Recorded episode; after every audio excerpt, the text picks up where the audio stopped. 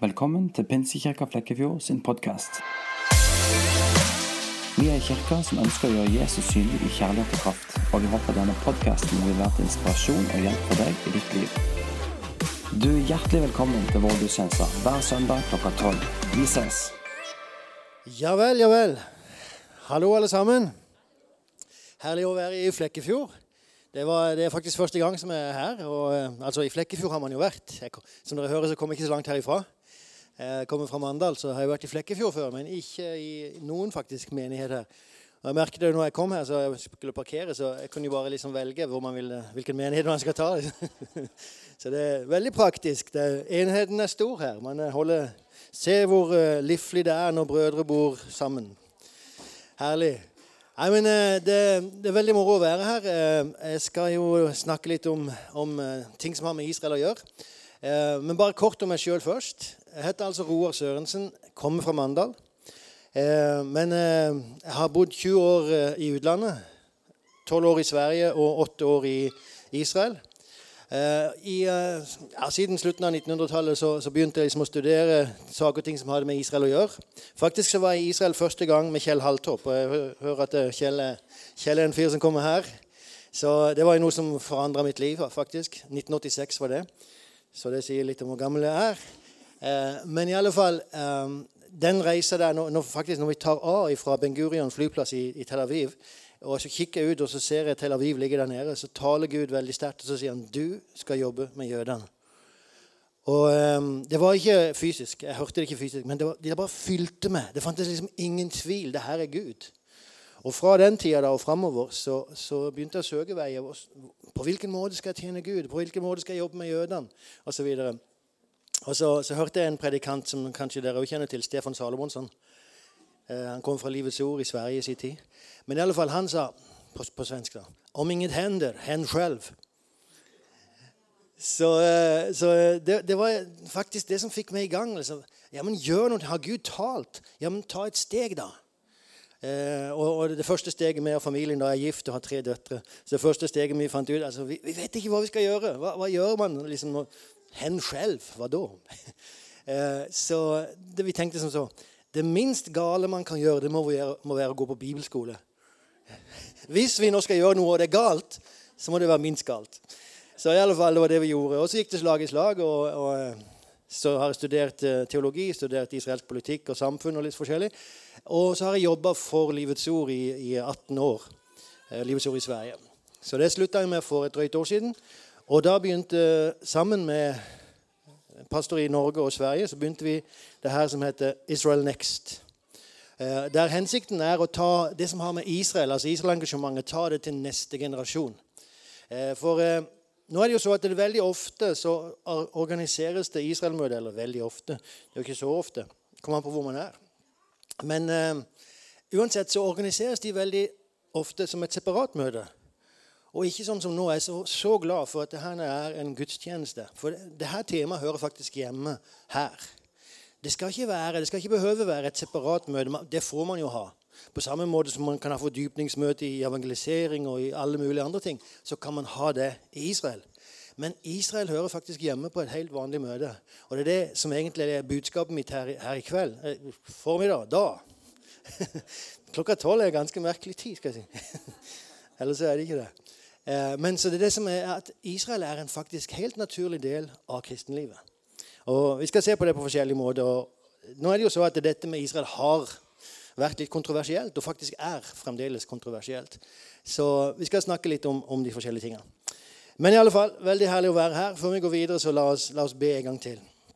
Herre, vi takker deg for eh, at vi får samles her i Flekkefjord brødre og søstre i Herren, Herre. At vi får virkelig kjenne det, at vi er ett i det, Herre. Og at du har faktisk utøst en kjærlighet i våre liv til hverandre, men også til folk som er utenfor disse kirkeveggene, Herre. Og Vi bare takker deg for at du vil la den kjærligheten få øke. La den få stige, Herre, sånn at virkelig, vi blir kreative i å nå ut til andre mennesker og få virkelig få dele med andre om det, av det livet som du har gitt oss, Herre. Takker deg for denne menigheten, takker deg for eh, lederskap, takker deg for at det er velsignet, eh, en velsigna menighet og lederskap. Herre. Takker deg for visdom, takker deg for framgang, takker deg for vekst i Jesu navn. Amen. Amen. Ok. Um, by the way, så, så Om du vil vite mer om Israel Next, så fins det brosjyre der nede. Ikke akkurat nå, men når, når møtet er ferdig. Og det fins òg mulighet til å bli med og støtte arbeidet hvis du kjenner for det. Uh, ok, Hvorfor skal kristne bry seg om Israel? er altså tittelen på dette budskapet.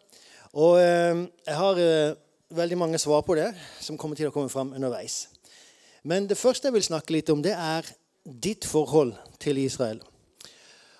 Eh, og, ettersom Israel som sagt, har vært et sånn komplisert tema For visse kristne så holder de seg langt borte man bare kan ifra det. Eh, andre blir liksom helt oppslukt av det. Så det er ganske kontroversielt. Så ditt forhold til Israel kan jo være ikke-eksisterende. I en del menigheter så er det faktisk det, fordi man har ingen forkynnelse i seg sjøl om, om, Israel. Eh, så jeg underviser på en del bibelskoler. Og mange ganger når jeg kommer der så merker man at det er jo mange som aldri har hørt forkynnelse om det som har med Israel å gjøre, og Guds planer for Israel. Så det kan være ikke-eksisterende. Den kan være kritisk. For man kan ha vokst opp i en tradisjon der det som har med Israel å gjøre, ses på som noe veldig negativt. Eh, både kanskje politisk. Man går inn på det og sier det er forferdelig. Se på hva media skriver om Israel. Det er forferdelig. Eh, ja, videre. Erstatningsteologi. Jeg skal ikke gå inn på Men det kan være kritisk. ok? Det kan òg være intenst. og da, da, mener jeg liksom at eh, Wow, Israel er alt. liksom. Eh, det det fins sånne, dessverre. Altså, det skal jeg si, som liksom bare reiser og forteller, forteller om Israel. Men nå har Gud kalt meg til det her. Men i visse tilfeller så kan Israel bli så veldig stort at Jesus nesten forsvinner. Og det får ikke være sånn. Det er ikke tenkt det skal være sånn. Jeg, pleier å si at Alt som har med Israel å gjøre, det lander til slutt i Jesus. Du vet, om, om du snakker om Israel Siste linja du vet, er den som er viktig i regnskap. Den båndlinja der. Den, Der står det Jesus. Alt har med Israel kanskje her å gjøre, men der står det Jesus. Det peker på Jesus. Så, så, jeg håper virkelig at det er det som skal komme fram i løpet av denne dagen. Så det kan være intenst, altså det kan være litt overdrevent. Der Israel blir veldig rosemalt og veldig løfta opp usunt intenst. Eh, det kan òg være uavklart, fordi at man kanskje har sett de kritiske, man har sett de intense, og man vet faktisk ikke hvor befinner jeg meg i dette her. Hva er en rett holdning for en kristen til Israel? Og det kan være likegyldig. Jeg bryr meg ikke. Liksom. Jeg holder på med andre ting. Liksom, du kan være en bra kristen. Du kan være opptatt med evangelisering, misjon. Du kan være opptatt med menighetsbygging, lovsang. Men Israel er, en, det er liksom en ikke-sak. Jeg, jeg, behøver liksom ikke engasjere meg i det. Mange, mange, kristne er faktisk der. Og egentlig veldig ofte så er det ikke de sin egen feil, men det er manglende forkynnelse i menigheten på det. Så den kan være likegyldig. Eh, jeg har ikke brydd meg, og jeg kommer ikke til å bry meg. Eller den kan faktisk være sunn. Takk og lov at den kan være sunn. Så eh, jeg håper det er der vi lander i, i dag. Um, av alle disse her så er det helt ok uansett hvor du befinner deg, foruten én. Likegyldig. Man får ikke være likegyldig som kristen. Og det gjelder ikke bare i forhold til Israel. Det gjelder i forhold til alt. Altså, Gud sier jo det Gid står det på gammelnorsk. Jeg husker ikke. Jeg har lest så mye andre bibeloversettelser. Jeg har glemt hva den norske oversettelsen sier. Men den gamle tror jeg sa Gid du var kald eller varm. Men fordi du er lunken, så vil jeg utspy deg av min munn. Altså, Gud vil at vi skal være for. Eller mot. Altså, nå snakker jeg ikke svart-hvitt alltid, men ikke være likegyldig. Likegyldighet er ikke en kristen holdning. Så faktum er at hvis du er likegyldig, da kan ikke dette budskapet nå deg. For du bryr deg jo ikke uansett. sant? Så, men av alle de andre så er det helt ok. Eh, jeg tror at dette budskapet kan hjelpe deg. Ok? Spørsmål nummer én. Hvorfor, eh, altså jeg pleier å stille spørsmål, og så liker jeg å svare på dem sjøl. Så du kan bare være stille. ok? Hvorfor skal vi undervise om Israel? Og da sier jeg som så, Det fins 2357 årsaker til det. Og de skal vi nå gå gjennom. Så jeg håper dere har gode altså Personlig så skal jeg se en fotballkamp litt seinere i dag. så vi kommer til å... Er det noen som har hørt om Liverpool United? jeg håper jeg bare dere lander på rett side der, altså. ok, uh, Så vi skal bli ferdig til den kampen. Men 2357 det er så mange ganger som Israel nevnes i Bibelen. Ok? Så med andre ord, i den boka, i, i denne boka som er Guds ord, så snakker Gud om Israel på hver side, i prinsipp. Og Derfor så er det litt merkelig at i en del menigheter så snakkes det ikke om Israel i det hele tatt. Så vi må finne en bibelsk balanse på det her. Gud kaller seg jo til og med Israels gud. Og det sier ganske mye. altså jeg heter Roar, og det sier ingenting. For, for, for liksom, Vi legger jo ikke noe betydning i navn, men på den tida så la man betydning i navnet. Og Gud kalte seg Israels gud. Abrahams, Isaks og Jakobs gud. Så kan vi liksom si at vi elsker Israels gud og ignorere Israel. Det blir en liten misbalanse i det. Så 2357 eh, årsaker. Jeg holder på å legge liksom en sånn innledende grunn her før jeg skal gå inn på hva er egentlig Israels relasjon til oss, og hvordan bør vår relasjon til Israel være. Da jeg bodde i Israel, i Jerusalem, så studerte jeg på Hebrew University og fikk mulighet til å reise på et kurs på det israelske utenriksdepartementet. Det kurset gikk ut på hva de på hebraisk kaller hasbara, som egentlig er forsvaret av Israel. For Israel er man veldig bevisst på at utenfor Israel så snakkes det veldig mye negativt om landet. Eh, og ikke alltid så er det sant. Veldig ofte så er media ganske altså fordomsfulle mot Israel. Så man, spurte seg hvordan skal vi motvirke det. Så De ba oss komme der, eller vi kunne komme dit, og så lærte de oss visse saker. Blant annet så sa de det her. WIFM, som betyr What's in it for me? Og de sa som så Når du stiller deg fram for en person eller en publikum, så må du alltid tenke Hvorfor skal de høre på det? Hva får de ut av det? What's in it for me? Sånn sitter du og tenker nå, uten at du bevisst tenker sånn. Så er det sånn vi fungerer som mennesker. Man går ikke noe plass hvis man kjenner at det ikke gir en noen ting. Og det som har med Israel å gjøre, det, der kommer vi til et nøkkelord What's in it for you? Nøkkelordet er verdi. Hvilken verdi har Israel for det? Svaret på det spørsmålet er ganske enkelt, og det er nesten det samme som det alltid er. Samme verdi som Gud setter på Israel. Ikke sant? Vi skal imitere Gud, Jesus, står det i Efeserbrevet 5.1. Imiter Jesus. Bli som han. Guds barn må bli som han. Så den verdi som Gud setter på Israel, er den verdi som vi burde sette på Israel. Og Da skal jeg bare vise deg ett vers. Det, jeg kunne virkelig tatt veldig mange akkurat nå. Men jeg skal bare ta ett vers som sier ganske mye. Den som rører ved dere, rører ved min øyensten. Zakaria. Og nå vet jeg at disse løftene her, de tenker vi ofte at de gjelder oss. Og det gjør de. Halleluja. Vet du hva? Du har fått del i alle disse løftene, så du kan lese de til deg sjøl. Og, og, kan ta det til deg sjøl. Men du kan ikke si at det ikke gjelder Israel. Det, det gjelder deg fordi at du har blitt poda inn i Israel. Sant? Så nå snakker vi om Israel, ok? og utgår fra når, Zakaria sier det, så fins ikke du. så å si. Det fins ingen menighet. Det fins bare Israel. Og da så sier Gud, den som rører ved dere, Israel, er rører ved min øyensten. Hva er din øyensten? Ja. Eh, men hva er det rent konkret? Det er den mest sensitive delen av kroppen din. Sant? Så fort noen ting veldig brått kommer over deg, det første du beskytter, det er øynene dine. Uten det øynene så er du nesten hjelpeløs.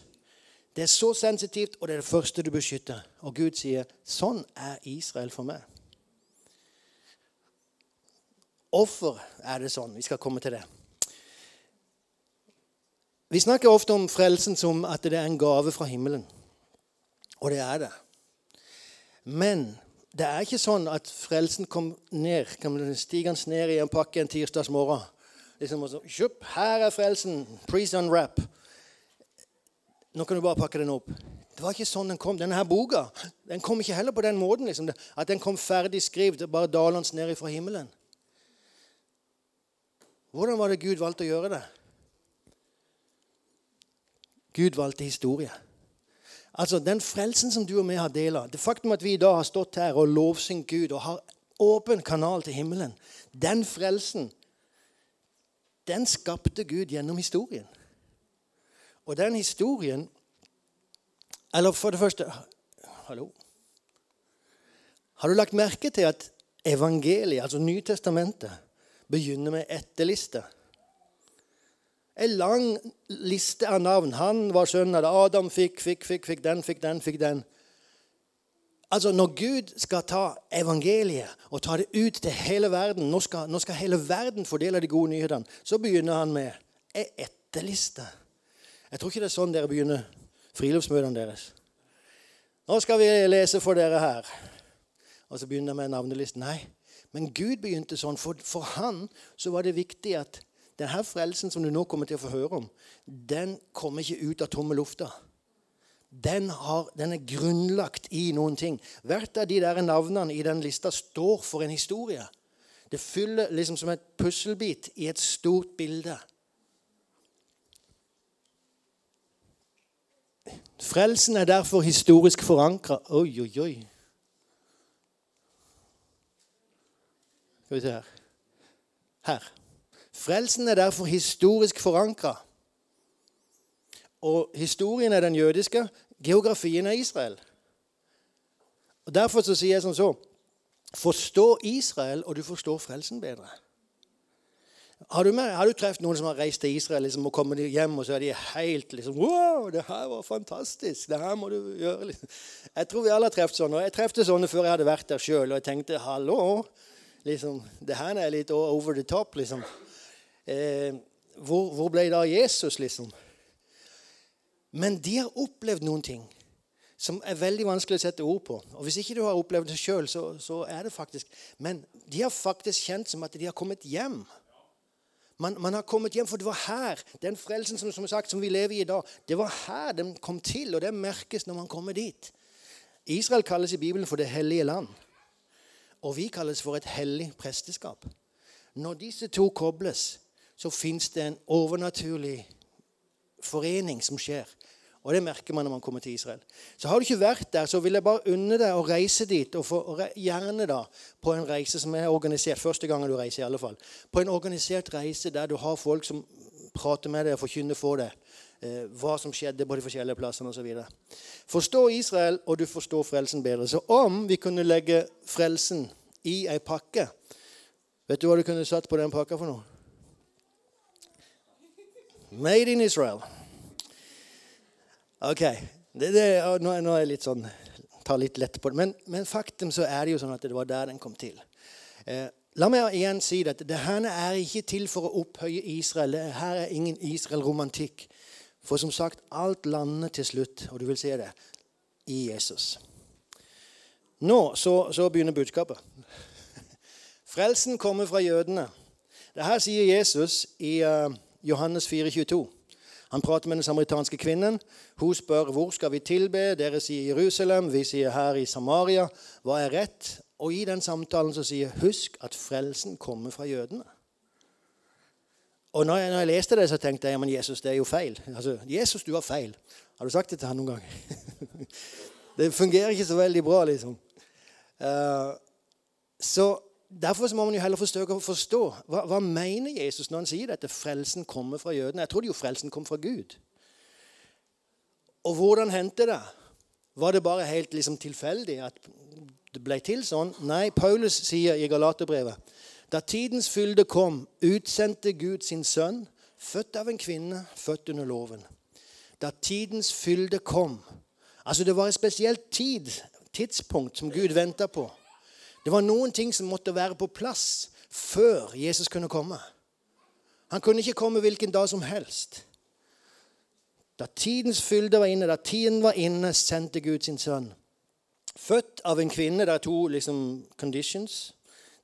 Iblant så forsvinner de norske ordene. Og Det ene er at den er født av en kvinne, og det andre er født under loven. Så disse to må i alle fall være på plass. kan du si. Nå så skal vi Gjennom å kikke på tre personer i Det gamle testamentet så skal jeg fortelle hvordan dette, vi kom til denne tida. Iallfall gjøre et forsøk på det. Vi skal gå gjennom faktisk Gamle testamentet ved å kikke på de tre personene og se hvordan vi kom til dette tidspunktet. Og den første vi skal se på, er det noen som kan gitte hvem det er? Første person i Gamle testamentet som vi behøver se på. Det er ikke Adam, men det er, det er Har du vært på et Israel-møte? Jeg liker jo ikke Israel-møte, egentlig. Jeg er imot Israel-møte. Men uh, du forstår hvorfor.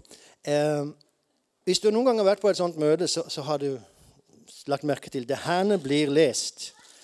For her har vi altså når Abraham blir kalt. Okay? Og Jeg skal bare lese de tre første versene der. Herren hadde sagt til Abraham, dra ut fra ditt land og fra din slekt og fra din fars hus til det landet som jeg skal vise deg. Jeg skal gjøre det til et stort folk, jeg skal velsigne deg og gjøre ditt navn stort, og du skal bli til velsignelse. Jeg skal velsigne dem som velsigner deg, og jeg skal forbanne den som forbanner deg, og i deg skal alle slekter på jorden velsignes. Det her er ganske spesielt. og jeg har jo, Iblant så tenker jeg sånn Hvis jeg var Gud, så hadde jeg ikke begynt sånn. Jeg vet ikke om du tenker sånn noen ganger. hvis jeg var Gud. Iblant tenker jeg hvis jeg var djevelen, så Men uh, uansett. Hvis jeg var Gud, så hadde jeg nok sagt til Abraham Du, Abraham, skjerp deg. Liksom. Nå, nå, har jeg tenkt å bruke det til en veldig viktig oppgave her, så nå er det best at du skjerper deg. Du legger bort disse avgudene, du behandler Sara litt bedre. Du, jeg hadde nok begynt der. Men Gud sier 'gå'. Gå til det landet som jeg skal vise deg. Ok, hvor skal jeg gå, da? Skal jeg gå til høyre eller venstre? Hvis du skal vise meg det. Jeg pleier å si det var godt ikke han kikket til høyre, for da hadde vi havn, Israel havna i Kina. Men i alle fall eh, Så der har vi det første. Gud begynner med 'gå' til det landet som jeg skal vise det. Og så kobler Gud eh, faktisk tre ting her. Han kobler landet, folket og oppgaven. Han sier til Abraham, 'Jeg skal gi deg dette landet.' Du skal bli til et stort folk, og du skal få en oppgave. Bli til velsignelse for alle folk. Ok? Så landet kommer vi skal ikke ta så mye om, men, men eh, et folk. Når Gud kaller Abraham, så kaller han ikke det jødiske folket. Gud kalte ikke det jødiske folket. Han kalte en mann. Og så sa han til denne mannen, som ikke var en jøde Det fantes ikke jøde på den tida. Sa han til denne mannen, jeg, Gud sier, skal gjøre det til et folk. Med andre ord så Det jødiske folket har ingen eksistens som ikke kobler til Guds planer. De ble skapt for Guds planer. Dette er et veldig viktig poeng.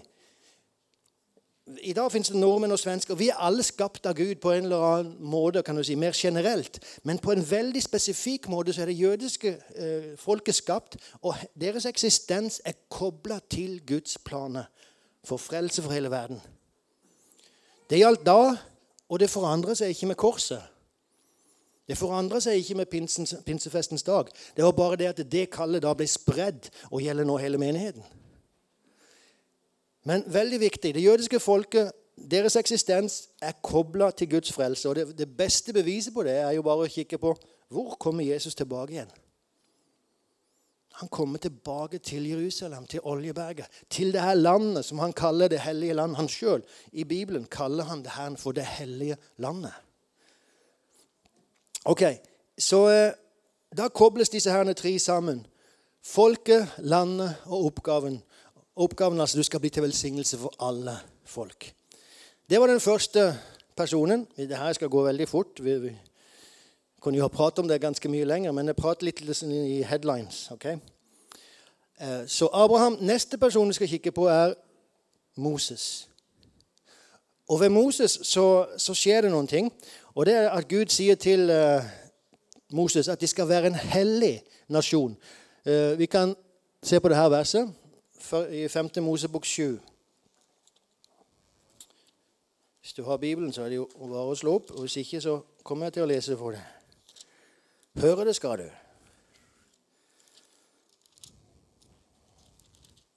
Ok, 5. Mosebok 7 og vers 6. Eh, for et hellig folk er du for Herren din Gud. Deg har Herren din Gud utvalgt for at du skal være hans eiendomsfolk framfor alle folkeslag på jordens overflate. Ikke fordi dere var større enn alle andre folk, var det at Herren hadde dere kjær og utvalgte dere, for dere var de minste av alle folkene. Men fordi Herren elsker dere, og fordi han ville holde den ed han hadde sverget deres fedre. Så her så sier Gud altså du skal være et hellig folk. Og jeg har skilt deg fra alle folkene, ikke for at du er så veldig fantastisk. Han sier ikke fordi at dere var så mange, at dere var så mektige. Det er ikke pga. dine egne uh, achievements. Det er ikke pga. hva dere har oppnådd. Men fordi at jeg, Gud, ville holde løftet som jeg ga til fedrene, og fordi at jeg elsker dere.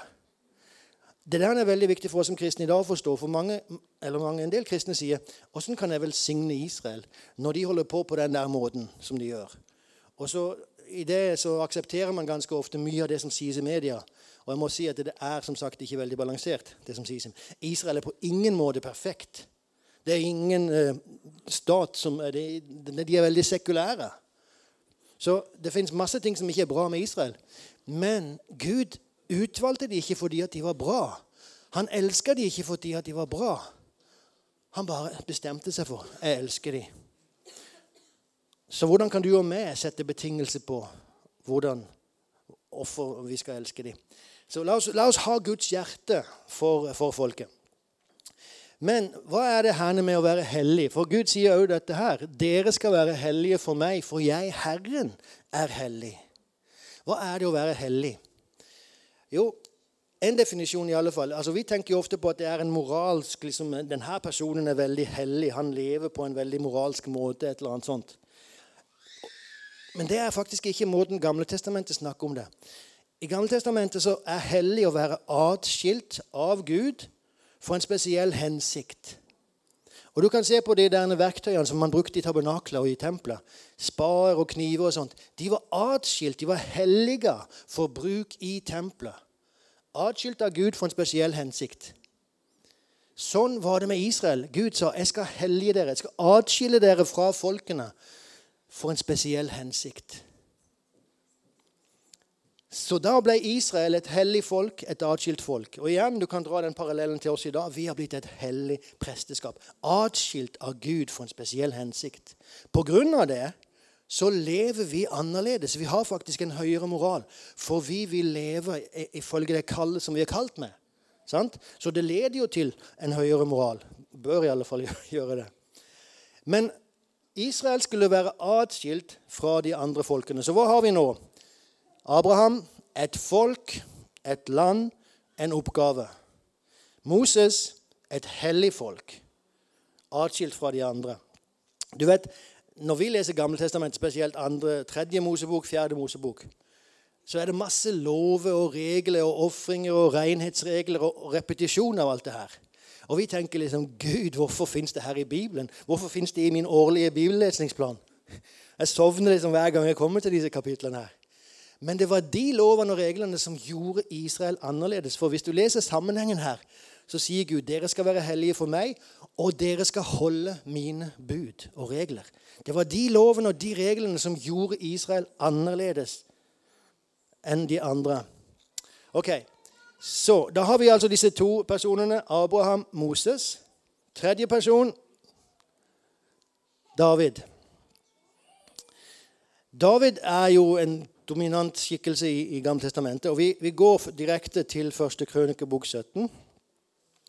Eh, David her, i denne historien, så bor David i et palass. Han har bygd seg et palass i Jerusalem som de faktisk har funnet nå, arkeologisk. Det fins en liten debatt om det, men mange mener på at de har funnet Davids palass i Jerusalem. Uansett, han bor i det her palasset. Og eh, Guds ark er fremdeles i et telt. Det fins ingen tempel. Så David sier jeg vil bygge et hus for Gud, sånn at hans ark kan få bo i et hus. Åssen kan det være at jeg bor i et palass, og Guds ark, Gud sjøl, bor i, i, et telt? Så han kaller på profeten Natan, og Natan sier først ok, sett i gang. Men så taler Gud til Natan, og så må han gå tilbake til David, og så må han gi ham det her budskapet. Så sier Natan sier nå til David nå forkynner, Eller det er jo egentlig Gud da, som sier til David. Nå forkynner jeg deg at Herren skal bygge et hus for deg. Altså, David ville bygge et hus for Gud. Nå sier Gud nei, det er motsatt.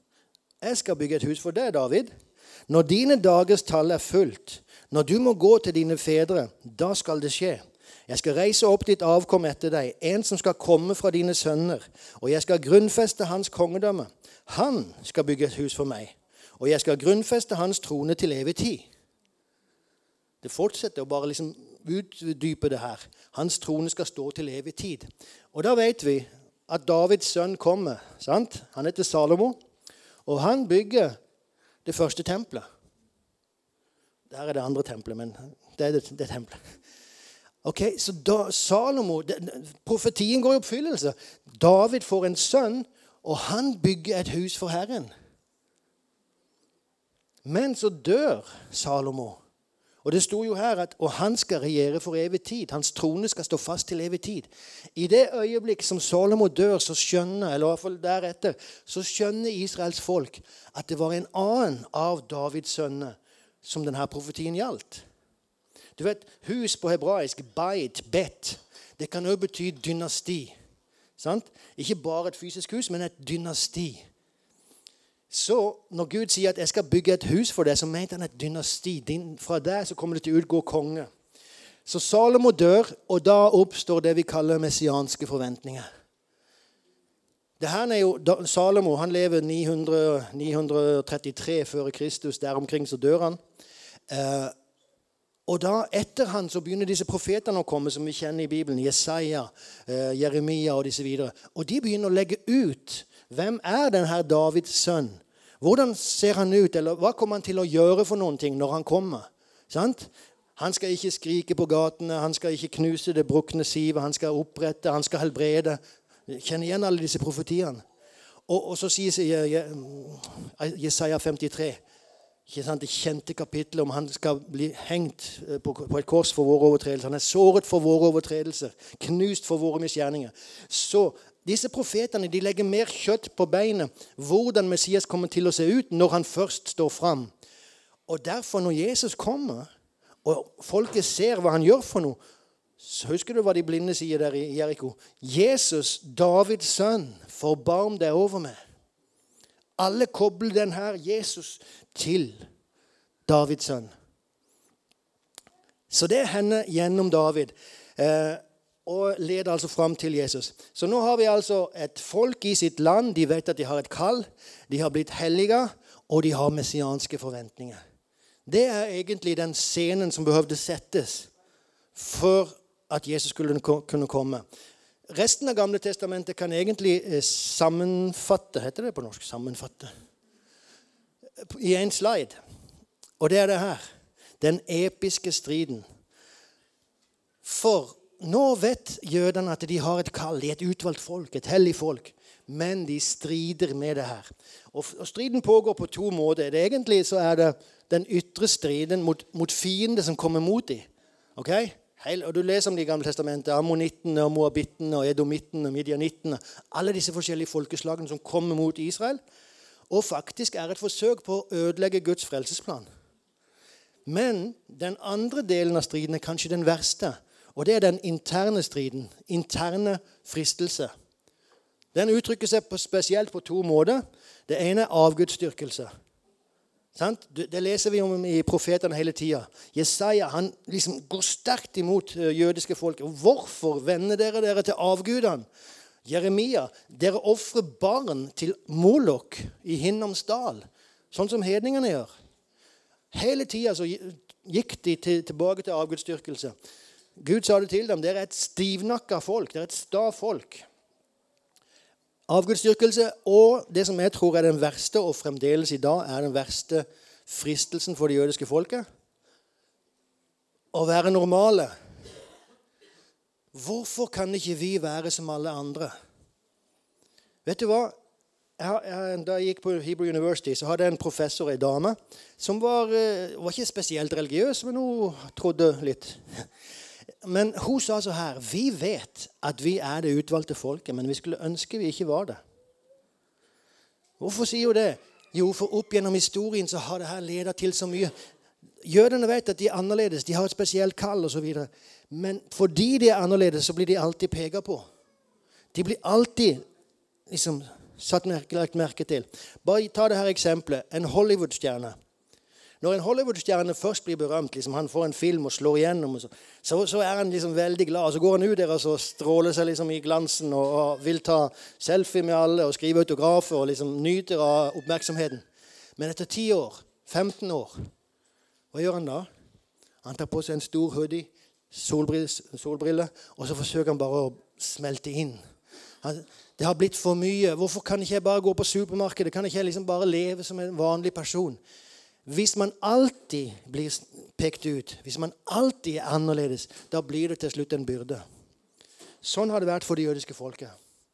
Og Derfor er det mange, spesielt da blant de sekulære, som bare vil bli som alle andre.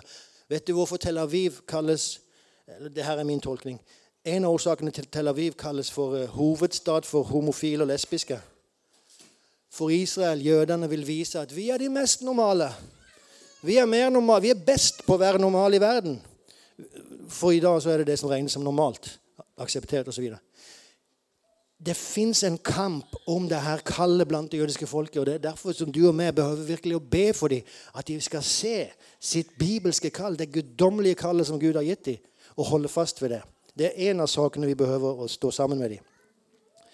Men i alle fall eh, det her er altså resten av Gammeltestamentet, sånn som jeg legger det fram akkurat nå. Så pågår denne kampen, og den pågår fram til i dag.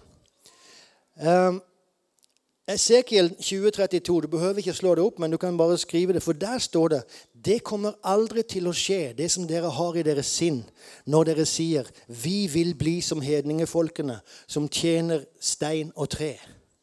Det står rett ut i det verset der.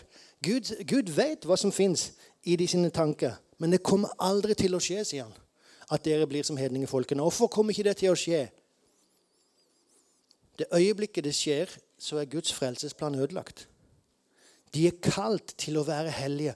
Hvorfor, er, hvorfor, må de være hellige? Hvorfor sto det i det verset at dere skal være hellige, for jeg er hellig?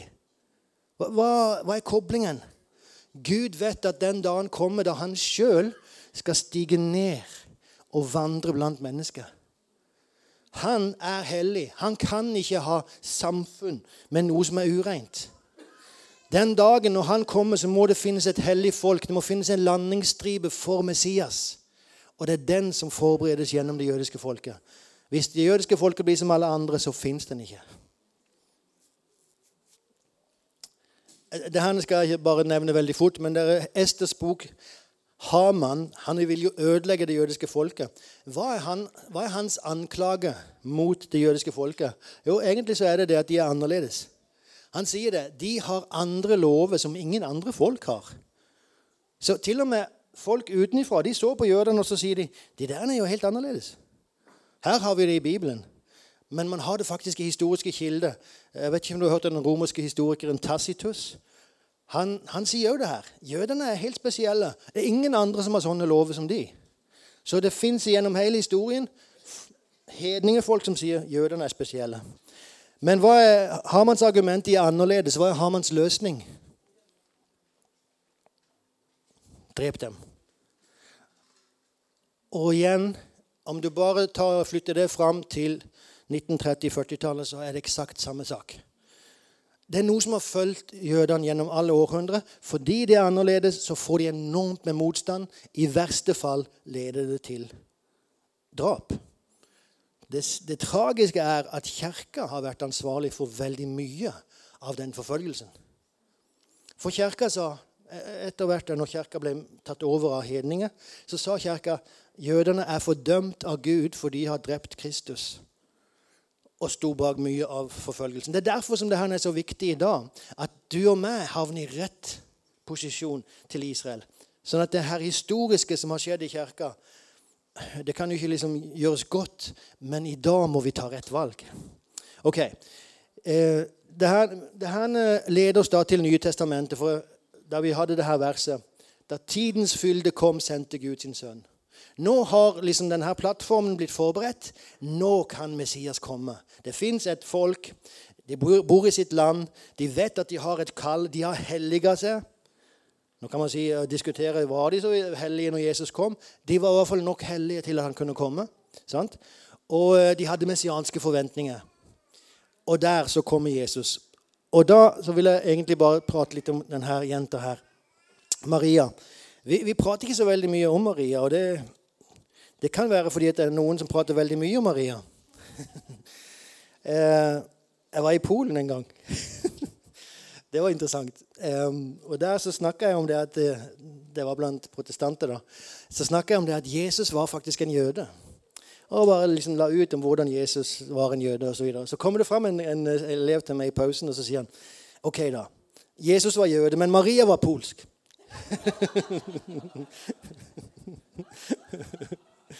så du vet, Når du kjører gjennom Polen og ser liksom masse statuer og alt sånn. så, han, han, sa det litt i spøk, men uh, det var artig. Uh, Lukas Lukas, uh, så kommer Gabriel til Maria. Og vi er i første kapittel der. Vers 26. I den sjette måneden ble engelen Gabriel sendt av Gud til en by i Galilea som het Nasaret, til en jomfru som var forlovet med en mann som het Josef av Davids hus.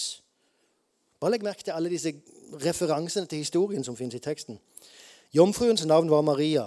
Og etter at engelen var kommet inn, sa han til henne, Fryd deg, du som har fått en så stor nåde. Herren er med deg. Velsignet er du blant kvinner. Men hun så ham, da hun så ham, ble hun forferdet over hans ord, og hun grunnet på hva slags hilsen dette var. Da sa engelen til henne, frykt ikke, Maria, for du har funnet nåde hos Gud. Du skal bli med barn og føde en sønn, og du skal gi ham navnet Jeshua, som altså betyr frelse. Og Nå, nå går ikke jeg inn på det her, man, man, må kalle han Jeshua. Absolutt ikke. Vi kaller han Jesus. Men, men Jeshua betyr noen ting på hebraisk. sant? Frelse. Frelser. Eh, han skal være stor og kalles den høyestes sønn. Altså, Ben El Elyon. På hebraisk så hadde han liksom Wow, det ringer med historisk betydelse. Sønn av den høyeste, høyeste Gud. Og Herren Gud skal gi ham hans far Davids trone. Og han skal herske over Jakobs hus for evig, og hans rike skal ikke ha noen avslutning. Igjen masse referanse til Gamle testamentet. Så vet vi hvordan det går. Maria sier 'Åssen skal det her gå til? Jeg har jo ingen mann', osv. Og, så og til slutt så, så sier Gabriel, Den hellige ånd skal komme over deg, og så sier Maria Se, jeg er Herrens tjenerinne. La det skje meg etter ditt ord. Og engelen forlot henne. Og Åssen hun kunne si det, er helt uforståelig, egentlig. For når hun sier 'la det skje etter ditt ord', så underskriver hun på mange måter sin egen dødsdom. For det som hun skal gjøre nå, det er at hun skal gå til Josef og hun skal gå til Nasaret, til samfunnet der, og så si jeg er gravid, men det var ingen uh, urenhet her. Det var Den hellige ånd. Og da så skal de si ja, så klart. Det skjer jo hele tida. altså, det skal de tro på. For den som driver hor, hva skal skje med den? Skal steines. Nå, nå var det her en spesiell uh, tid, for de var under romersk okkupasjon. og Det er ikke sikkert at jøden hadde rett til å steine folk. Men uansett, hun utsetter sitt liv for en stor fare når hun sier 'la det skje'. Og da spør jeg meg sjøl åssen kunne hun komme til den eh, avgjørelsen? Det er liksom en kort samtale.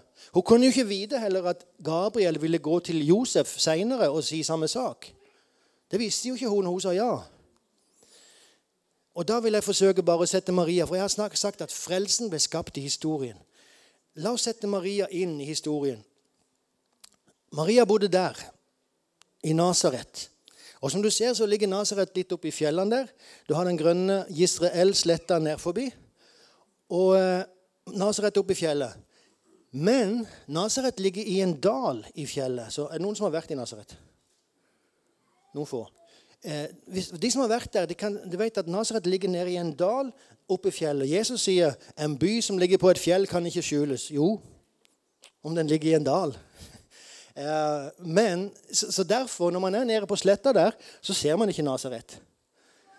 Den sletta er på mange måter Jeg har ikke tid til å gå inn på det, men der eh, pågår hele verden. altså Den er sentrum i verden på mange måter på den tida. For det er midt mellom supermaktene. Egypt nedi der, Asyria og Babylon, Babylon oppi der.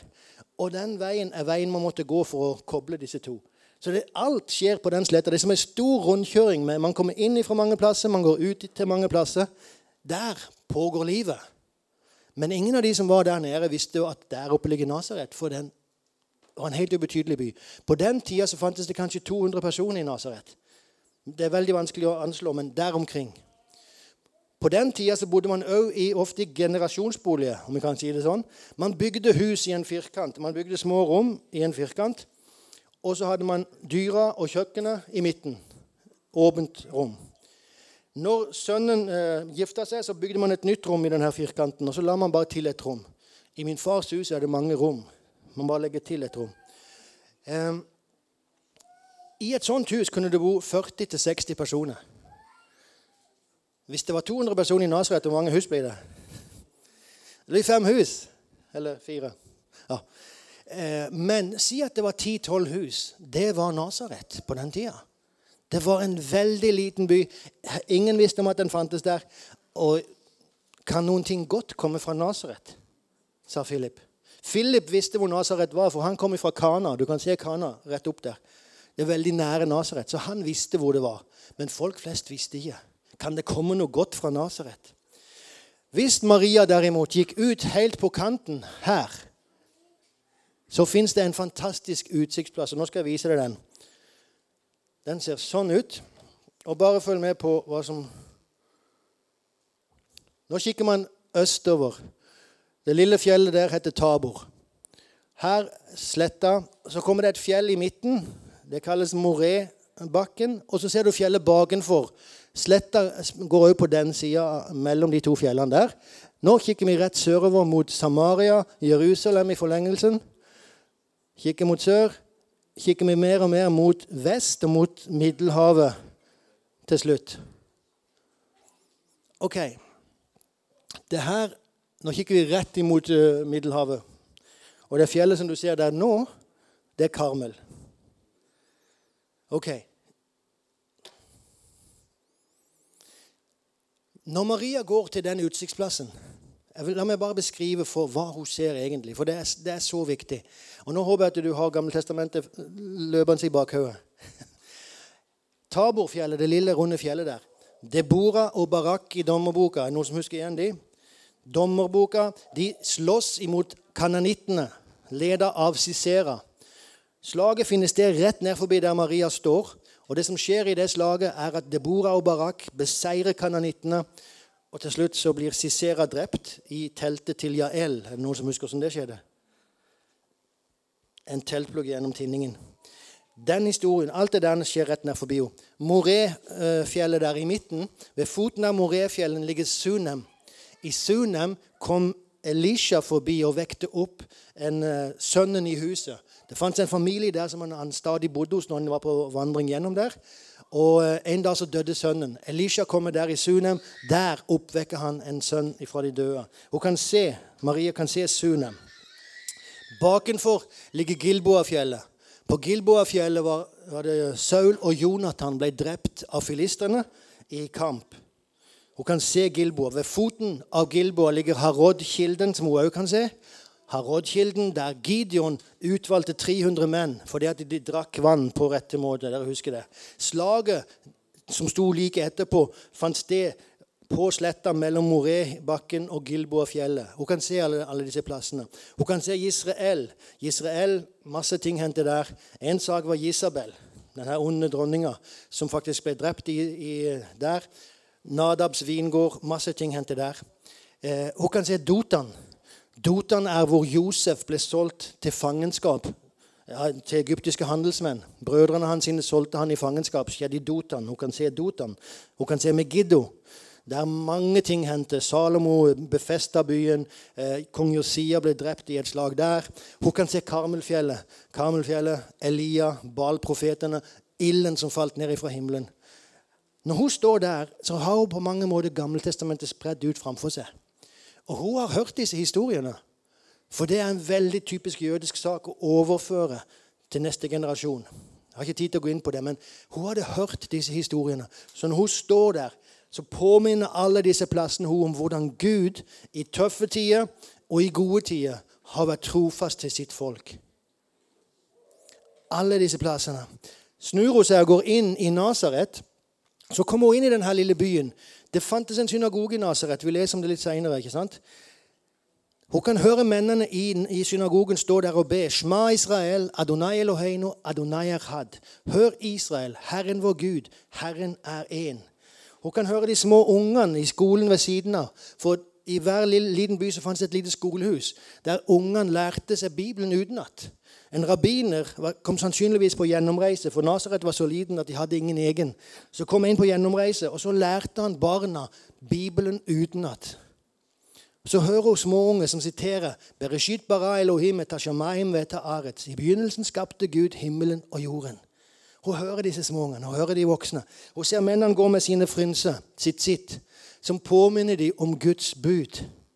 Når hun går inn i huset, så på dørkarmen, så fins en liten container som kalles en mesusa.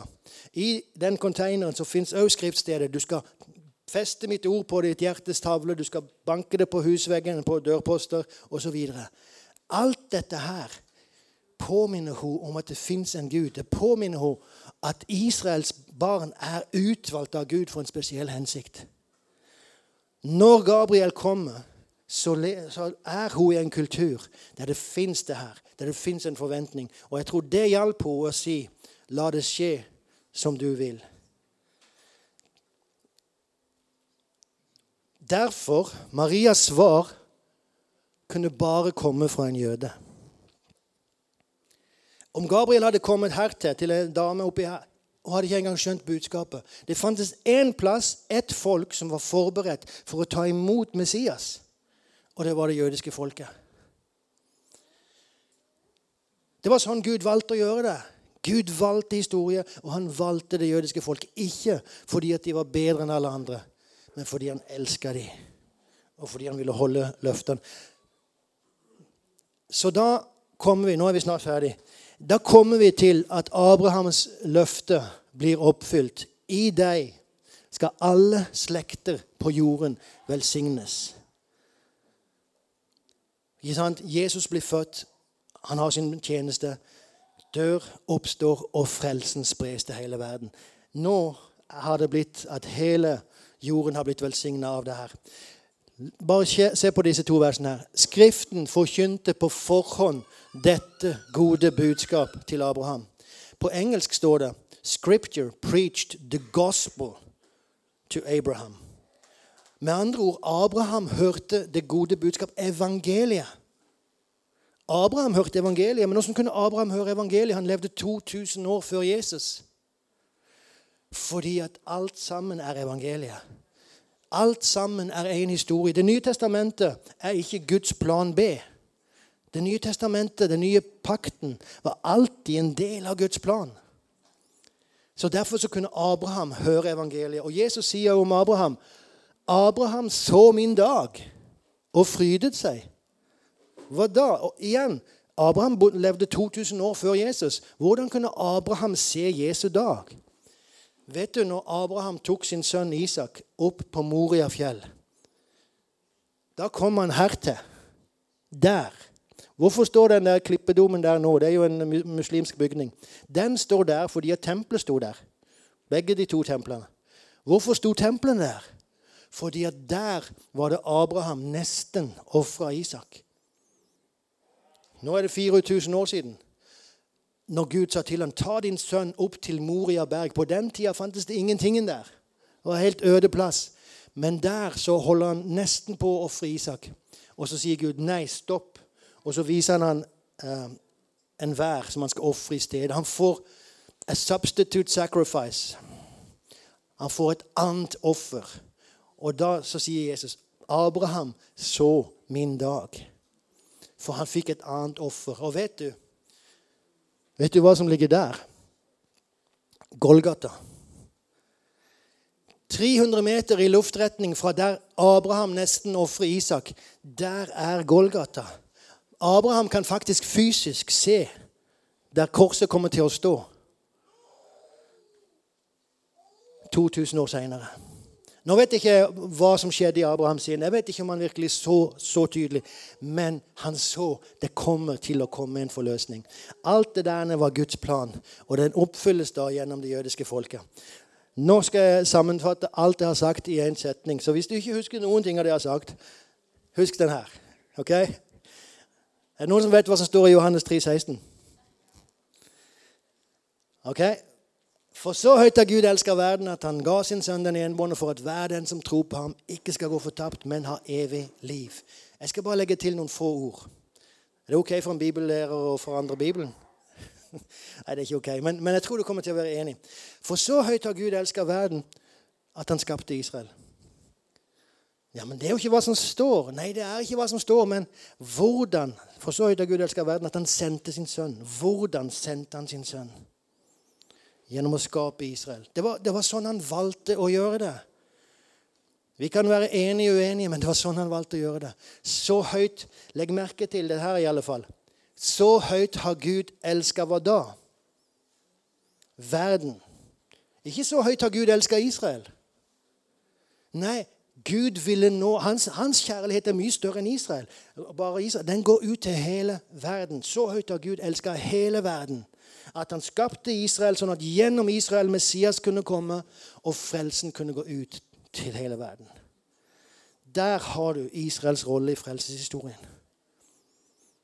Halleluja. Å, far, jeg bare takker deg.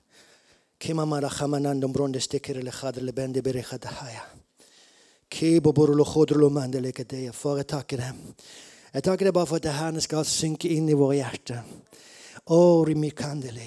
Den her kjærligheten som du har vist oss gjennom at Jesus døde for oss mens vi ennå var syndere. Og det her relasjonen i, i, menigheten, i våre liv, Herre, som opprettes til Israel. Sånn at vi får et sunn relasjon til det her folket. Et sunt syn på det, Herre.